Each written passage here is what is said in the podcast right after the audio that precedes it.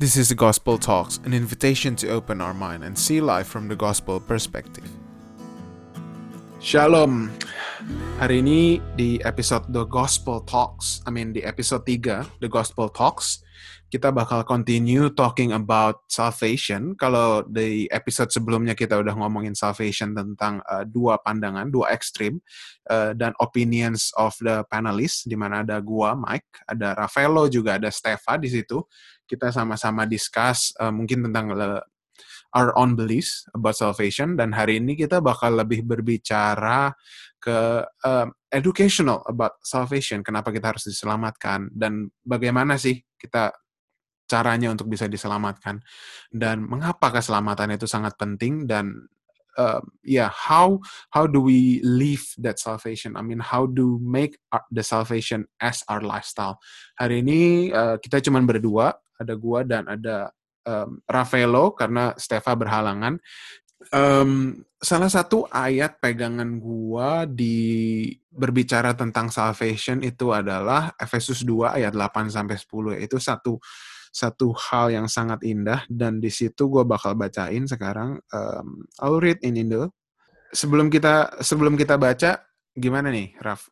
Apa kabar? Dan bagaimana nih kayak maksudnya have you ini kan ayat yang lumayan sangat populer lah ya.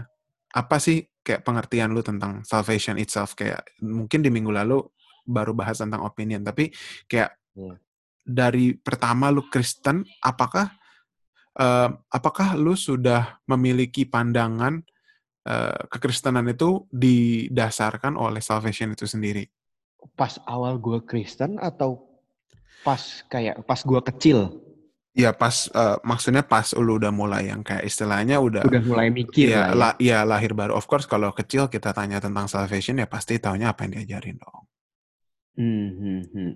Um, pas pertama kali gua maksudnya pas pas gue juga udah mulai berjemaat di gereja kita, udah mulai dalam tanda kutip otaknya udah mulai bisa dibuat mikir lah ya uh, salvation itu menjadi sesuatu yang krusial karena simply karena without salvation kita berdua masuk neraka sih Mike itu yang gue yeah. itu yang gue percayai gitu um, jadi kayak menurut gue puncak-puncaknya tuh sekitar tahun lalu sih kalau gue gue tuh dalam tanda kutip merasa tersindir dengan Roma 623 gitu mm. the wages of mm -hmm. gitu kayak yeah. Ya, well, jujur ya, bener-bener ini gue nggak bisa ngomong. Ini kayaknya klise, tapi gue bener-bener nggak bisa ngomong apa-apa.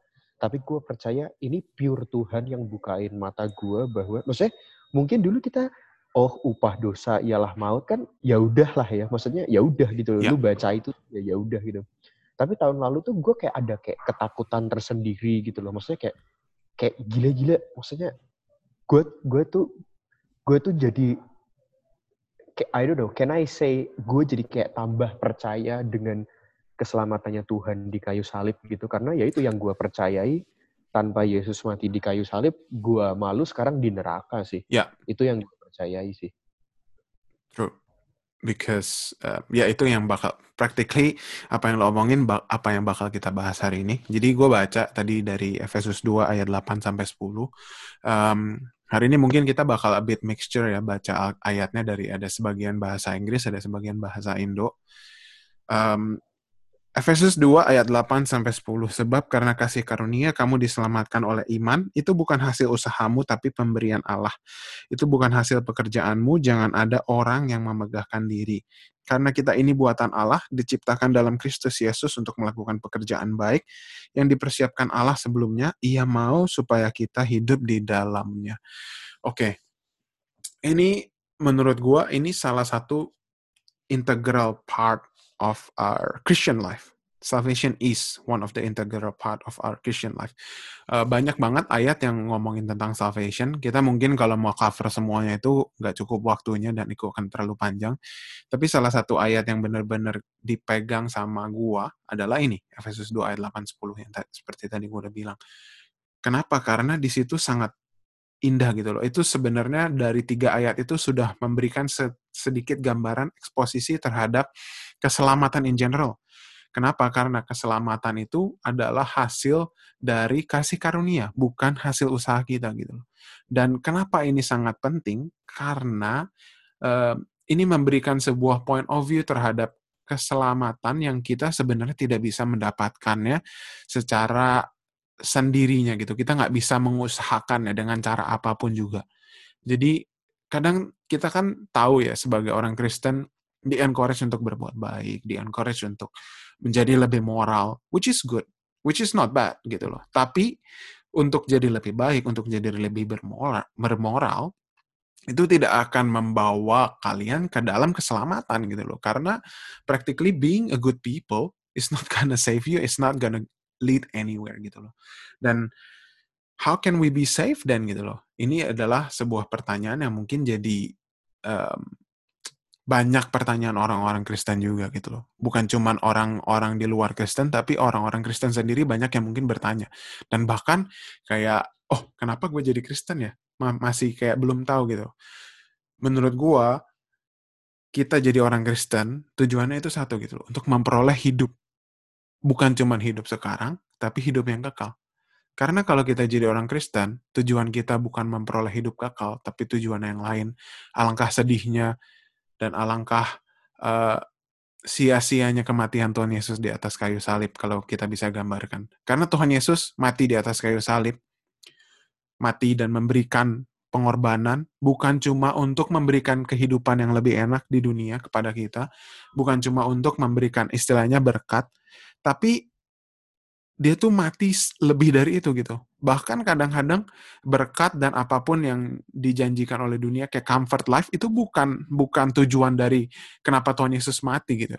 Tujuannya adalah untuk menyelamatkan manusia. Di Yohanes 3 ayat 16 ayat yang sangat sangat populer dan sangat mungkin orang banyak banget familiar di situ. Yohanes 3:16 Uh, oleh karena begitu besar kasih Allah akan dunia ini sehingga ia mengaruniakan anaknya yang tunggal supaya setiap orang yang percaya kepadanya tidak binasa melainkan beroleh hidup yang kekal. It's clearly quite simple gitu loh. God's objective coming to the world in the form of Jesus Christ is to save the world.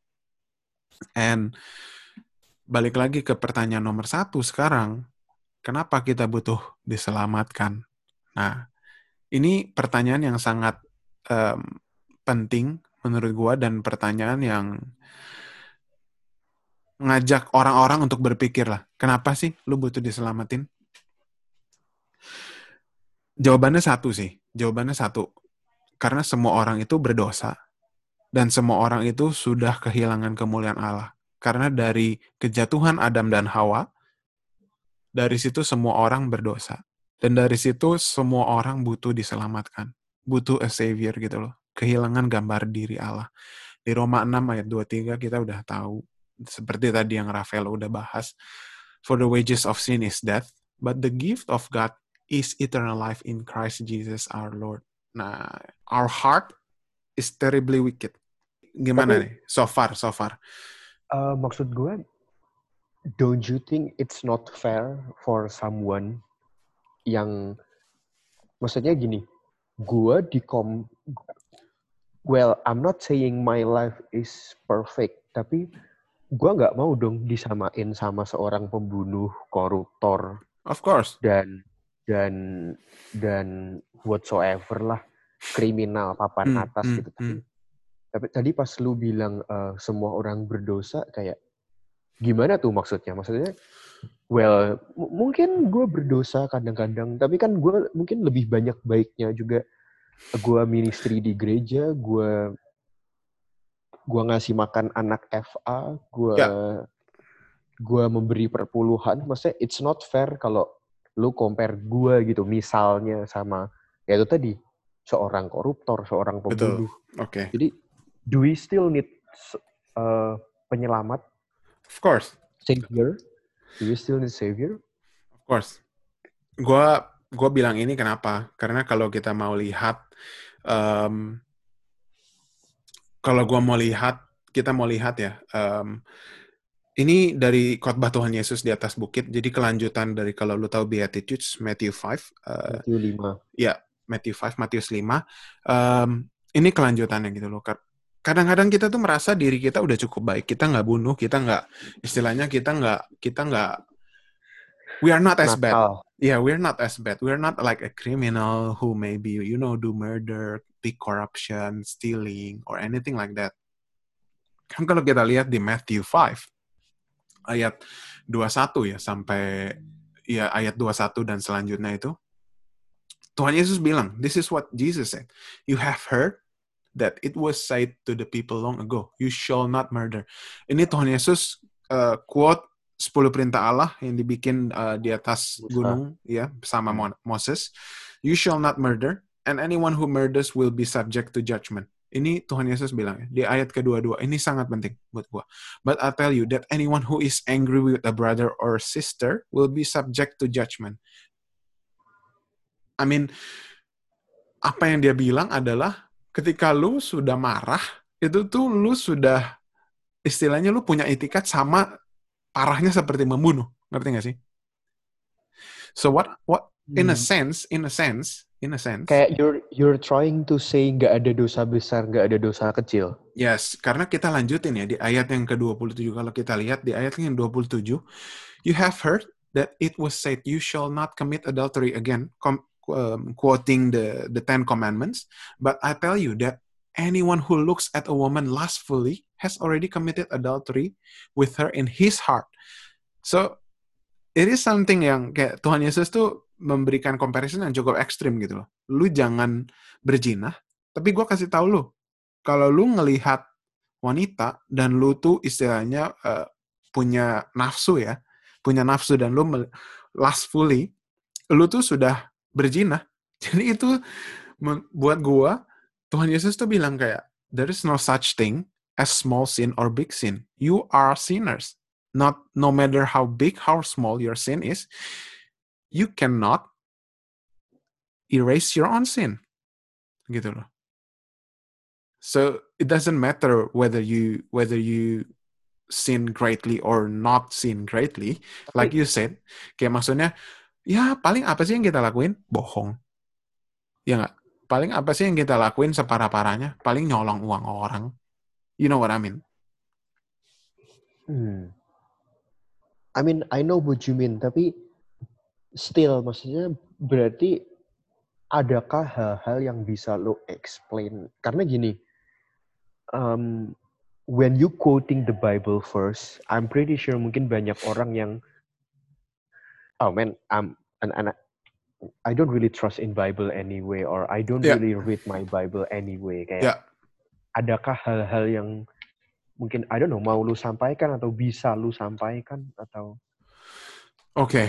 kalau misalnya kan, of course ini kan, of course, uh, kalau gue udah quote Bible, mainly gue target Christians, who believers, to open your Bible and read your Bible gitu. But if if there's anyone, maybe our friends who's not yet a believers gitu loh standar penyampaiannya kenapa lo butuh diselamatkan itu berbeda gitu loh. Jadi mungkin pertanyaannya do you believe in the apa eternal life or do you believe that this life is is it gitu loh.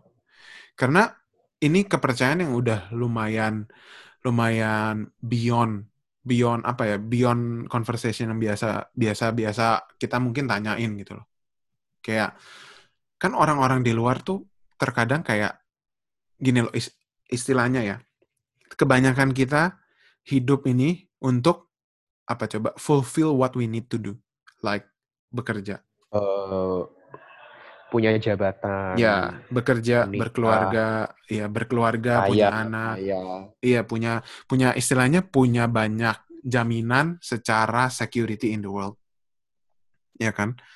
Hmm. Dan gue percaya memang itu bukan sebuah hal yang salah gitu karena kita pun sebagai Christian kita memang dipanggil untuk bekerja dan nggak semua dipanggil untuk jadi pendeta. That's why there is vocation dan kita memang dipanggil seperti yang di episode pertama the calling gitu loh. Kita bisa aja ditempatkan di mana aja gitu loh. But that's not our goal. That's not the only goal that we should do gitu loh. Especially mungkin or untuk orang-orang yang belum percaya, ketika kalian melihat hidup kita itu sekedar untuk fulfill apa pun yang tadi kita udah sebutin, kalian akan melihat bahwa eh, kalian tuh akan jatuh ke satu repetition di mana kalian sepertinya masuk ke dalam roda hamster ngerti nggak sih? Lu tuh berlari tapi lu tuh nggak ke mana-mana. You're not going anywhere. Karena once you once you pass away, what will what will happen to every, everything that you have been seeking? It's gonna be gone. You don't have a single part of your materials, um, istilahnya materials richness or money or anything assets. You will not bring anything when you when you pass away. You will not have anything like else gitu loh. You cannot even istilahnya menikmati hal itu lagi karena practically yeah, yeah, yeah. You, you pass. And ya ada istilah apa duit gak dibawa mati ya orang yeah, Indonesia yeah. istilah seperti itu ya. Betul, betul sekali. Yeah. Dan mungkin gue mau ajak invite ya untuk berpikir gitu loh. Apakah kalian tahu bahwa kehidupan kita yang sekarang bukanlah uh, akhir gitu dari segalanya. Bahwa ketika nanti kita pass away, kita akan dibangkitkan mungkin kalau kita go go far ya untuk untuk ngomongin other religions gue bukan orang yang expert di dalam bidang itu dan gue harus mengakui kalau mungkin ada yang mau ngajak gue untuk istilahnya debat dari agama-agama lain um, I'm not the expert of other religions oh. hmm. jadi gue yang gue bisa kasih tahu in general picture in general picture about other religion apart from Christian di agama-agama lain itu mengajarkan satu hal dan memegang menjunjung tinggi satu hal yang namanya moralitas. Karena dari moralitas itu mereka menganggap bahwa mereka bisa mencapai sebuah titik yang yang kita percaya ya orang Kristen percaya sebagai keselamatan. Maksudnya keselamatan itu menurut mereka harus dikerjakan melalui moralitas dalam kehidupan ini. Makanya Buddhis they they're trying to keep away their desire of everything. Istilahnya hidup ini harus di uh, harus dikosongkan lo harus mengosongkan diri makanya banyak mereka yang pergi meditasi dan lain-lain terus untuk orang muslim semua itu diusahakan semua itu harus dikerjakan hmm. semua itu bagian ya. dari ba ya bagian dari diri kita bagian dari diri kita sedangkan gini kalau kita lihat kalau kita lihat secara general picture siapa sih dari semua itu da, dari, dari maksudnya dari seluruh agama kalau kita lihat religion in general siapa sih yang bisa fulfill 100% the law of the religions itself hmm. who has ever succeed to do that yeah yeah I can confidently yeah, yeah. say no one I can hmm. confidently say no one gitu loh dan capek nggak sih kalau lu misalnya Apalagi kalau lu udah berusaha keras dan lu tiba-tiba jatuh di satu titik dan lu ngerasa semua usaha lu selama ini tuh gagal. It's gonna be a tiring. Makanya yang kayak gue bilang, you will go and find yourself in a hamster, um, istilahnya roda hamster, hamster yeah. wheel, dan you're not going anywhere. That's why, yeah. that's why yang gue dan gue bener-bener convicted, gue tahu dan gue yakin dan percaya bahwa satu-satunya harapan kita di dalam Christian. Kenapa Christian is the only true religion menurut gua?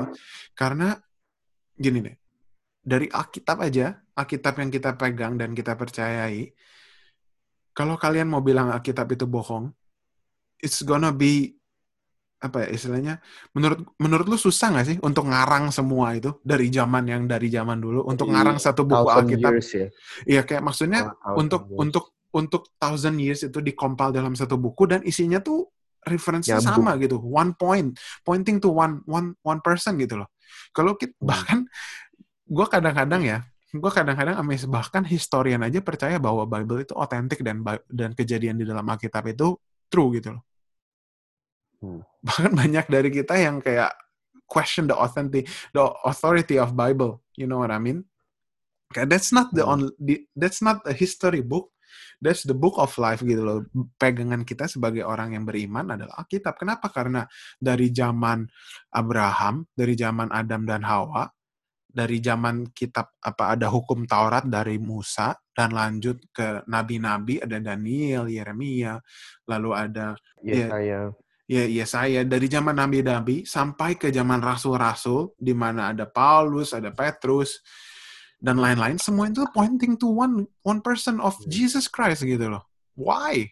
Karena itu adalah sebuah gambaran besar di mana Alkitab ini ditulis untuk memberi memberi beritahu pada orang yang percaya maupun yang tidak percaya bahwa harapan kita, harapan keselamatan kita hanya dalam Tuhan Yesus Kristus. Gue kasih tahu kenapa. Because in any other religion, in any other religion, salvation is something that you work on. Something that you have to earn which is impossible to do so. Karena nggak mungkin kita nggak bercacat dalam melakukan itu gitu Bahkan kita sendiri pun kalau kita orang-orang Kristen mau di compare sama hukum Taurat, mau di mau di istilahnya lu mau jalanin uh, kegiatan religion lu based on the law that is written on the Old Testament, by all means you are free to do that. But you will not be able to fulfill that unfortunately. I can guarantee you I challenge you gitu loh. Kenapa? Karena standar moralitasnya Tuhan itu yang kita bisa lihat dalam law is very high. Yeah. It's very high. It's very high. Hmm. Just like what Jesus say in Matthew 5 gitu loh. If you just see a woman lustfully, you have commit adultery. If you are angry with your brother and sister, you practically equal to murder. It's very high the standard of morality of Jesus Christ is very high, and therefore we cannot fulfill it by ourselves. Kita nggak bisa, nggak bisa, by any means. Dan how then how? Ini harapan yang indah gitu loh. Harapan yang indah adalah tadi di Efesus 2 ayat 8 sampai 10 dan Yohanes 3 ayat 16 bahwa kasih karunia yang menyelamatkan kita by faith. So we are saved by grace through faith in Jesus Christ. And therefore we receive our gift. Dan percayalah, percayalah, ketika lu bisa say by your heart, kayak maksudnya dengan hati lu ya, sungguh-sungguh berkata bahwa Tuhan Yesus adalah uh, our Savior, dan lu percaya dan benar-benar lu menghidupi Alkitab ya. Bukan menjadi saved by grace to, through faith itu yang klise you know what I mean? Banyak kan yang udah kayak saved by grace through faith itu juga kadang-kadang jadi klise ngerti gak sih? You you say it but you don't understand it. So hmm. if you really know that you're saved by grace through faith and you live in it and you live truly in apa ya, in according to the scriptures it's God's grace lu bisa tahu bahwa itu kebenaran, it's God's yeah. grace. Dari situ Tapi kita lu... gimana? Nggak, apa? Lanjutin, lanjutin. Ya, maksudnya dari situ kita bisa tahu bahwa oh ini tuh yang menjadi pijakan dalam kehidupan kita gitu loh. Ini yang menjadi dasar dari kehidupan kita sebagai orang Kristen bahwa kita sudah diselamatkan. Therefore, we living as a good person it's not because we live as a good person that we want to earn salvation. No, it's the other way around. We receive salvation first, and therefore, um, living as a good person is a fruit of salvation. Itu adalah hasil gitu loh. Itu bukan usaha, itu bukan input, tapi itu output. Jadi hidup baik itu harus Kenapa? Karena itu akan merefleksikan apakah lo benar-benar diselamatkan atau tidak. Makanya di situ uh, di Galatia 5:22 sampai 23 itu di situ ada buah roh. Buah roh itu ya perbuatan Roh Kudus dalam kita ketika kita sudah percaya kita disil oleh the Holy Spirit gitu loh. Bahwa Roh Kudus itu di, dijanjikan kepada kita sebagai materai orang yang percaya. Hmm. Gitu. So far so far gimana nih? Ada pertanyaan? Tapi pas Mari. lu tapi pas lu ngomong tadi tentang grace, tentang kasih karunia, mm. terus maybe maybe terus orang bakal nanya terus do our works really matter if we are saved by grace through faith atau oh ya udah and I can do whatever kan toh aku sudah diselamatkan kayak exactly so ini per to ya ini that dong. Ya, like I said before kan, ini ini bakal jatuh ke satu ekstrim yang namanya yang kita sering sebut hyper grace.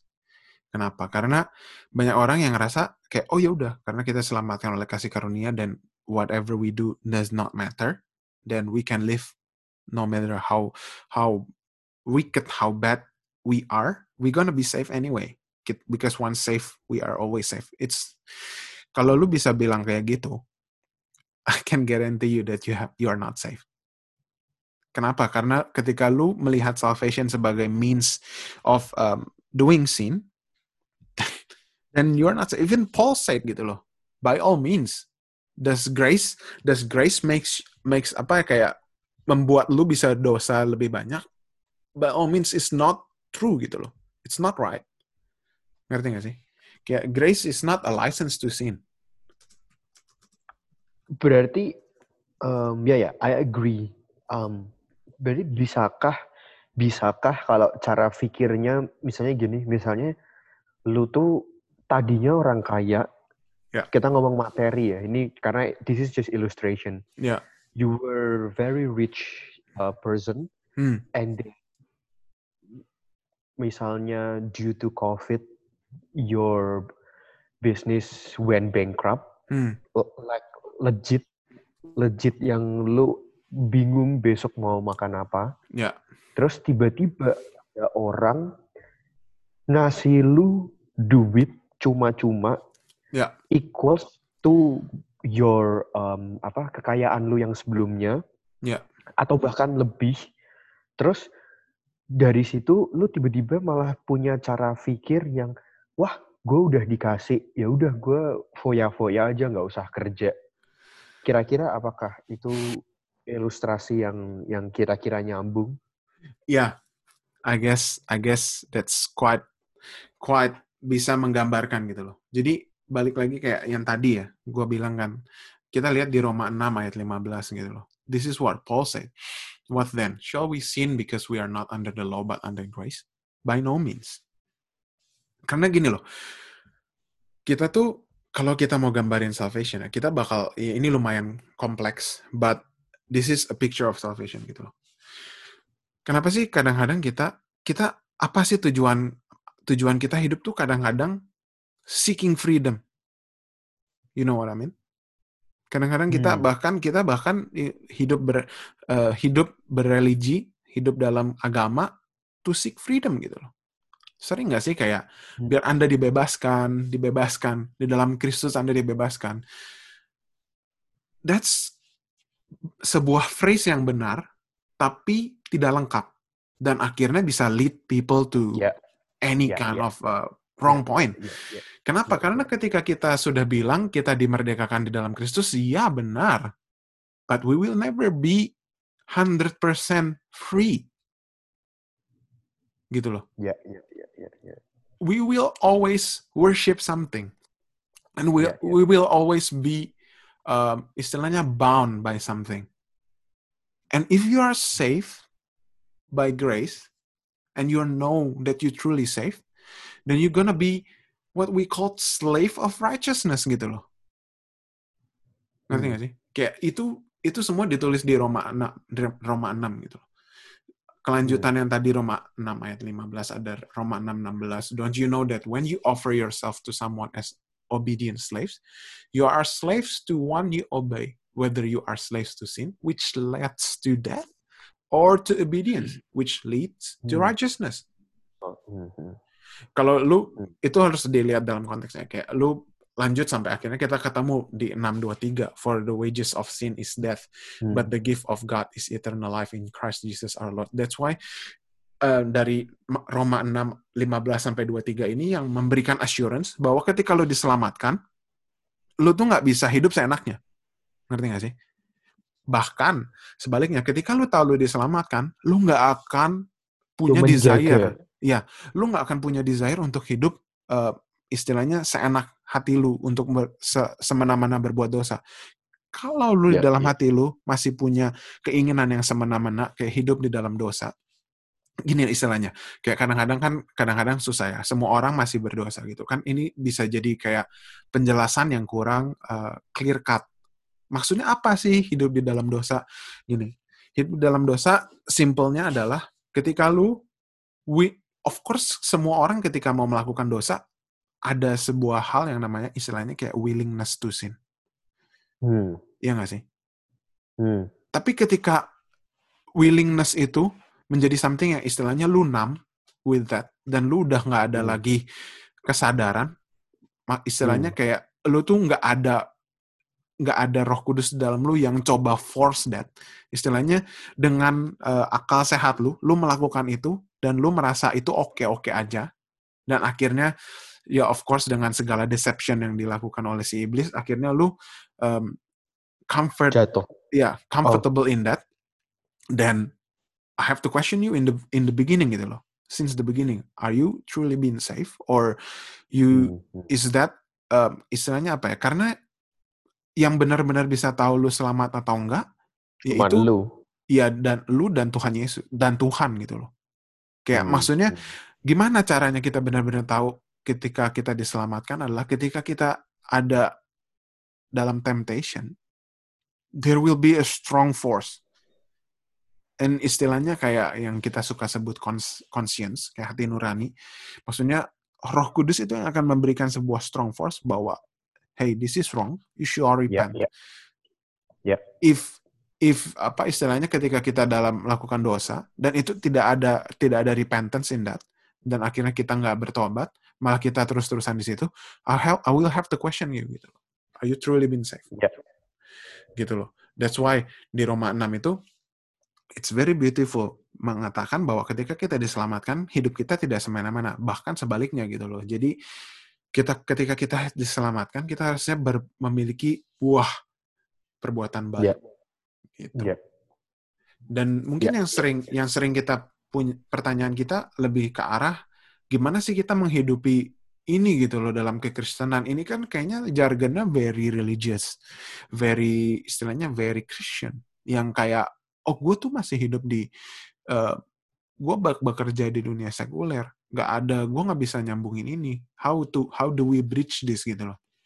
Jujurnya hmm. kayak yang gue ngomong di calling karena itu lumayan penting. Kehidupan sekuler lu dan kehidupan Christianity Christian lu apa religious bukan religious lah gue bilang Christian your faith your journey of faith kehidupan your journey of faith and your calling even though you have to work in istilahnya secular life it's not something that is apart. It is istilahnya ketika lu hidup dalam keselamatan, keselamatan itu yang akan menaungi seluruh aspek kehidupan lu. Jadi how do we relate that? How do we relate that? Practically, ketika lu bekerja, kan lu nggak mungkin bekerja atau ya sama orang Kristen semua kecuali lu full timer gereja, ya kan? Hmm. Ketika lu hidup di dunia yang istilahnya orang bisa biasa panggil dunia sekuler, lu kan jadi misalnya jadi chef. Gua um, jadi ya jadi fotografer lah, jadi food technologist hmm. lah, punya lingkungan gitu. Di mana lingkungan itu pasti banyak orang yang notabene belum Kristen atau bukan Kristen. Non-believer. Yeah. Ya, non-believers. Dan dari di situ apakah lu ketika lu menjadi orang Kristen dan lu tahu bahwa lu sudah diselamatkan, apakah lu akan punya that uh, boldness or encouragement untuk lu sendiri menunjukkan bahwa lu tuh uh, believers gitu loh. Ngerti gak sih? Kayak lu tuh yeah. lu melakukan segala hal dengan integritas lu sebagai orang Kristen. Karena lu tahu kehidupan benar itu adalah buah. Dan kayak istilahnya kalau kita dihadapkan dalam situasi-situasi yang um, agak tricky ya, kayak lu harus do white lies. Kayak misalnya kolik lu, kolik lu. Eh, gue gua lagi ini nih gue lagi nggak bisa datang nih gue ada janji nih gue ada janji banget nih sama teman gue gue lupa gue bilang deh Siki sama bos lu boleh nggak tolongin bilang Siki sama bos nah hmm.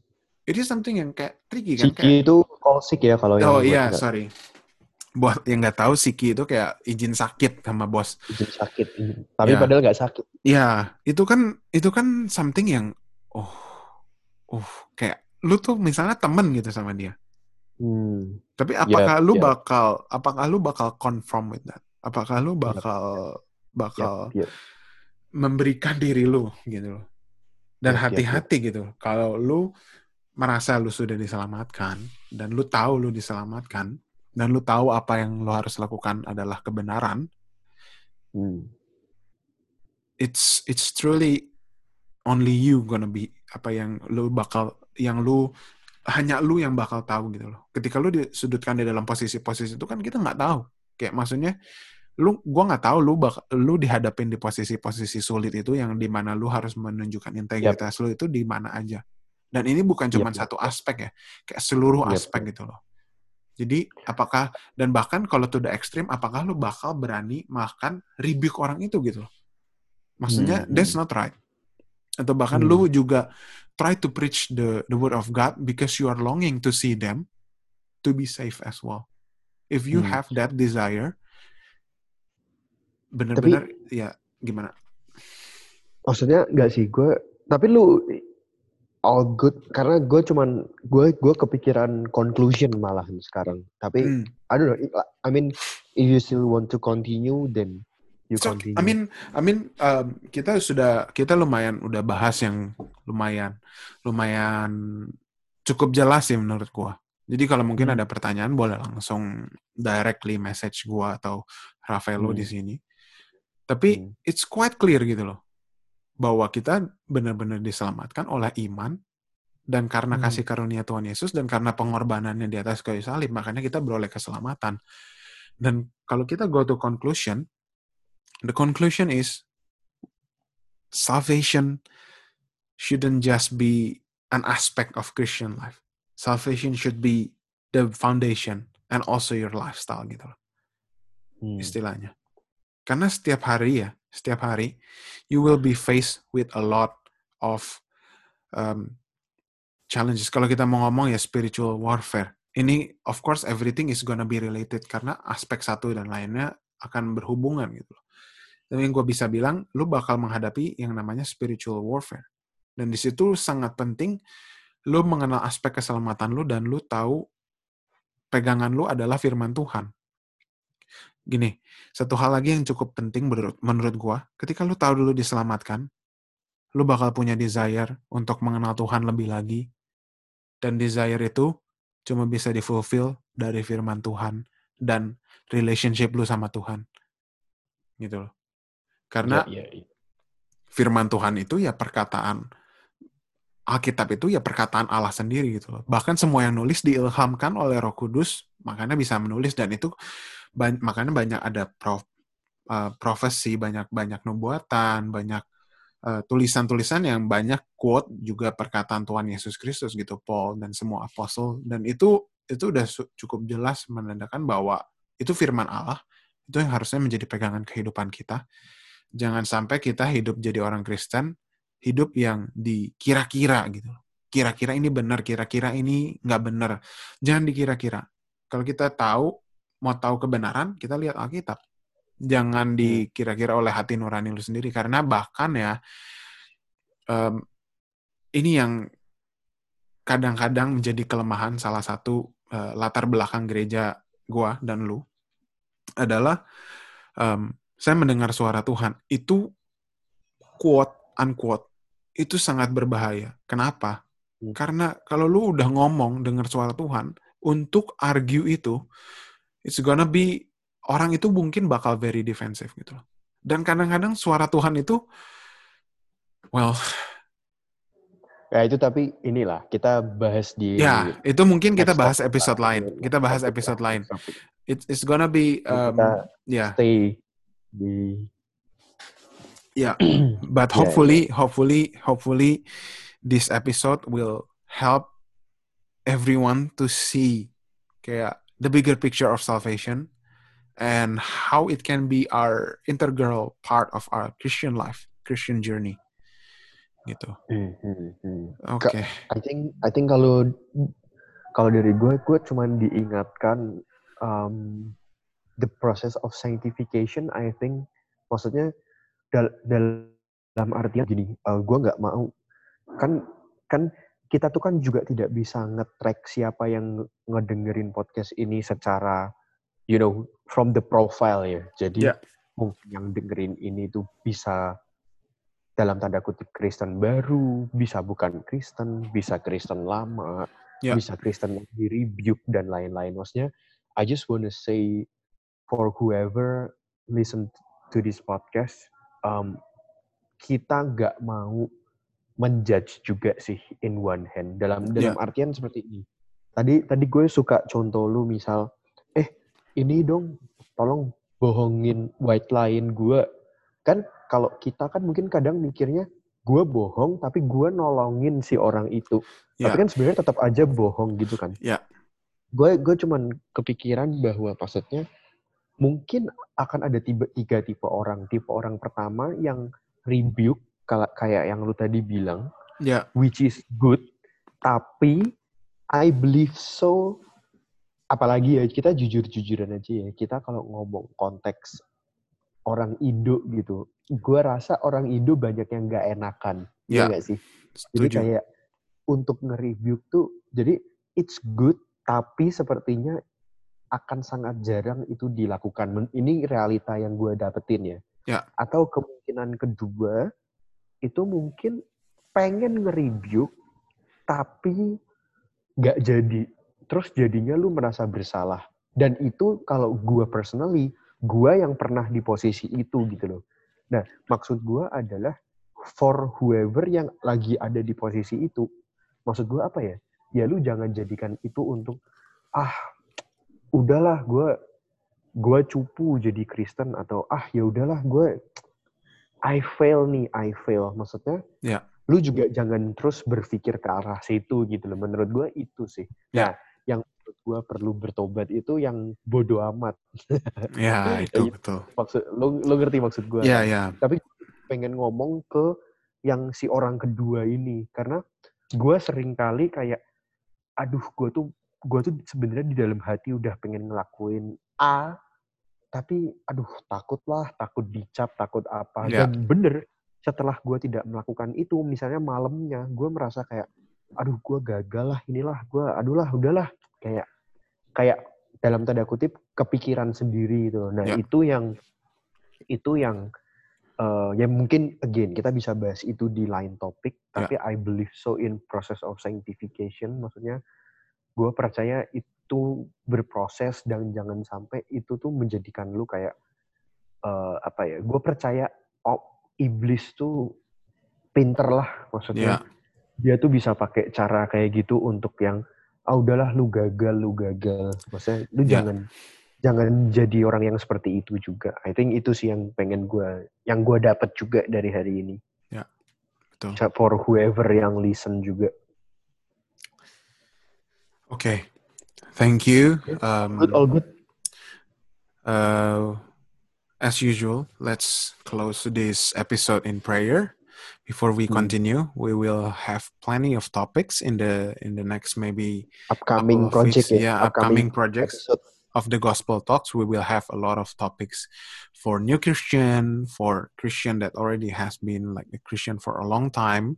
Long time. Yeah, dan um, saat ini kita bisa diakses di Spotify and Instagram The Gospel Talks dan mungkin uh, akan ada platform-platform yang lain but just stay tune supaya kalian juga bisa diberkati dengan podcast ini dan hopefully um, bisa melihat kebenaran dan melihat kehidupan dari kacamata gospel. Oke, okay, let's pray. Thank you, Jesus, for this episode that where we can talk about salvation that is truly your grace and it's truly your work in us. That by our faith we are we have been saved. Thank you, Jesus. We just want to encourage everyone to truly seek about um, the truth in the in the Bible, so that they can truly seek you and find you, and be safe as well, oh God. Thank you, Jesus. In the name of Jesus, we pray. Amén.